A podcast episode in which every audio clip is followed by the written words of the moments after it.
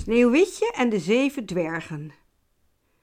Er was eens een koningin die een jaar nadat ze een dochtertje kreeg doodging.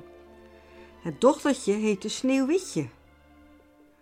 De koning trouwde opnieuw. Deze nieuwe koningin was erg mooi, maar ook erg trots en verwaand. Ze kon het niet hebben als er iemand mooier was dan zij. Deze koningin had een toverspiegel. Als je aan deze spiegel vroeg wie de mooiste was van het hele land, dan vertelde de spiegel wie er het mooiste was. Spiegeltje, spiegeltje aan de wand, wie is er het mooiste van het hele land? Jarenlang was de koningin het mooist, tot op een dag de spiegel vertelde dat Sneeuwwitje mooier was. De koningin werd zo jaloers dat zij besloot om Sneeuwwitje te laten vermoorden in het bos. Pas als Sneeuwwitje dood zou zijn, zou de koningin weer de mooiste van het land zijn. De jager, die met Sneeuwwitje het bos inging om haar te vermoorden, had heel veel meelij met haar en liet haar in het bos vrij. Sneeuwwitje zwierf in haar eentje door het bos. Plotseling zag ze een klein huisje en ging naar binnen. Nee, maar dat was grappig. Er stond een wit gedekte tafel met zeven kleine bordjes, zevenmaal klein bestek en zeven kleine bekertjes, allemaal heel klein. Ook waren er zeven bedjes. Sneeuwwitje was zo moe dat ze in een bedje in slaap viel alhoewel ze er niet helemaal in paste. Toen de bewoners van het huis, de zeven dwergen, van hun werk thuis kwamen, merkten ze dat Sneeuwwitje in een van de bedden lag. Omdat ze zo mooi was, vertrouwden de dwergen haar wel en mocht ze blijven liggen. De volgende ochtend werd Sneeuwwitje wakker en vertelde alles wat er gebeurd was aan de dwergen. Je mag hier blijven, zeiden de dwergen, maar daarvoor in ruil moet je voor ons het huis schoonmaken en het eten maken. En pas op de boze koningin. Zij zal je weten te vinden.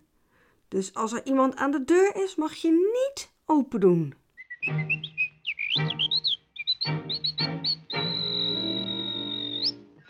Een van een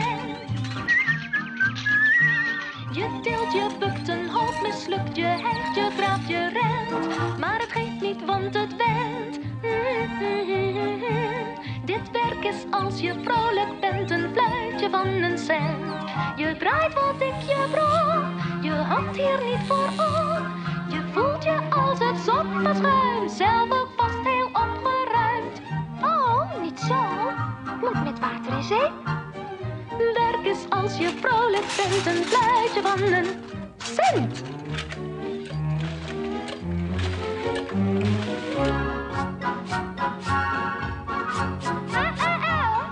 Nee, nee, nee, nee.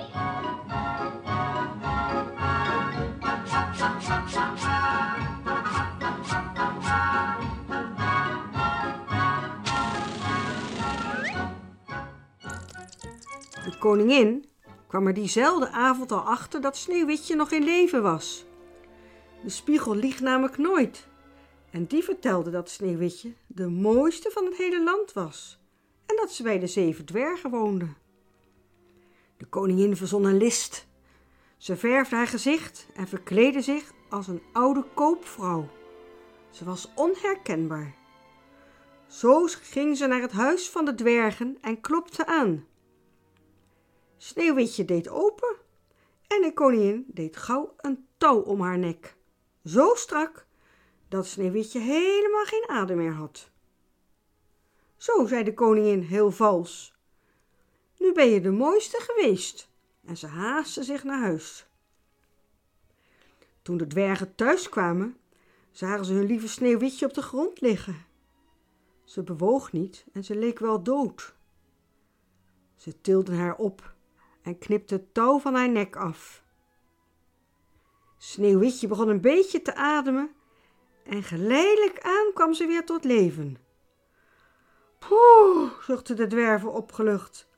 Dat was op het nippertje. Maar Sneeuwwitje, nu mag je echt nooit meer open doen. Want dan komt die gemene koningin weer. Die wil jou toch echt dood hebben.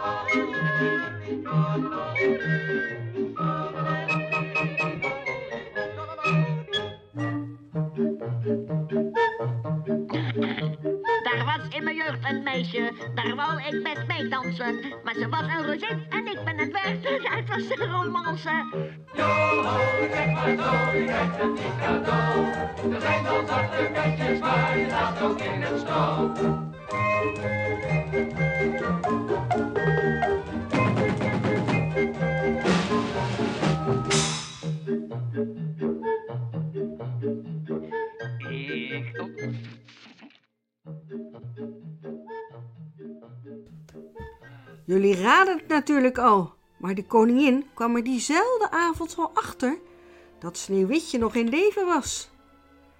De koningin verzon een nog veel gemeenere list. Ze kon namelijk een beetje toveren en ze maakte een hele giftige appel. De koningin verkleedde zich als boerin en klopte aan de deur van de dwergen. Sneeuwwitje keek uit het raam en zei: Loop maar door, ik mag niet open doen. Maar meisje, ik kan je toch wel een appel aanbieden, zei de vrouw. Ik zal hem voor de deur leggen, dan kun je hem straks pakken. En de vrouw liep door. Sneeuwwitje ging naar de deur, pakte de appel en nam er een hap van. Direct viel ze dood op de grond neer.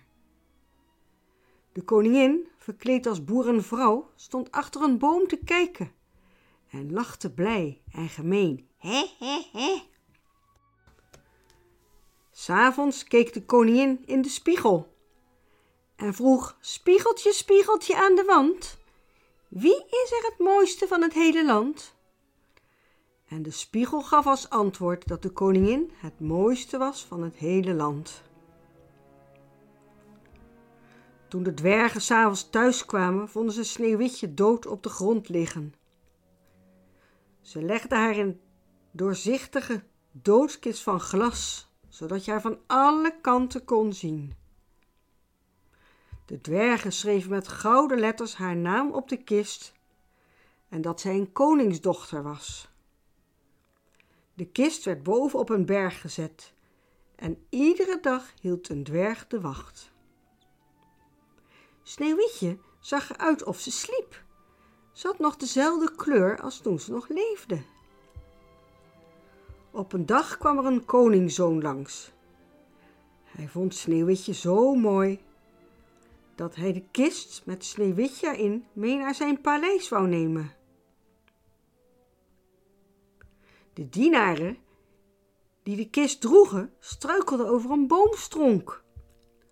Door de schok schoot het giftige stukje appel dat Sneeuwwitje had afgebeten uit haar keel.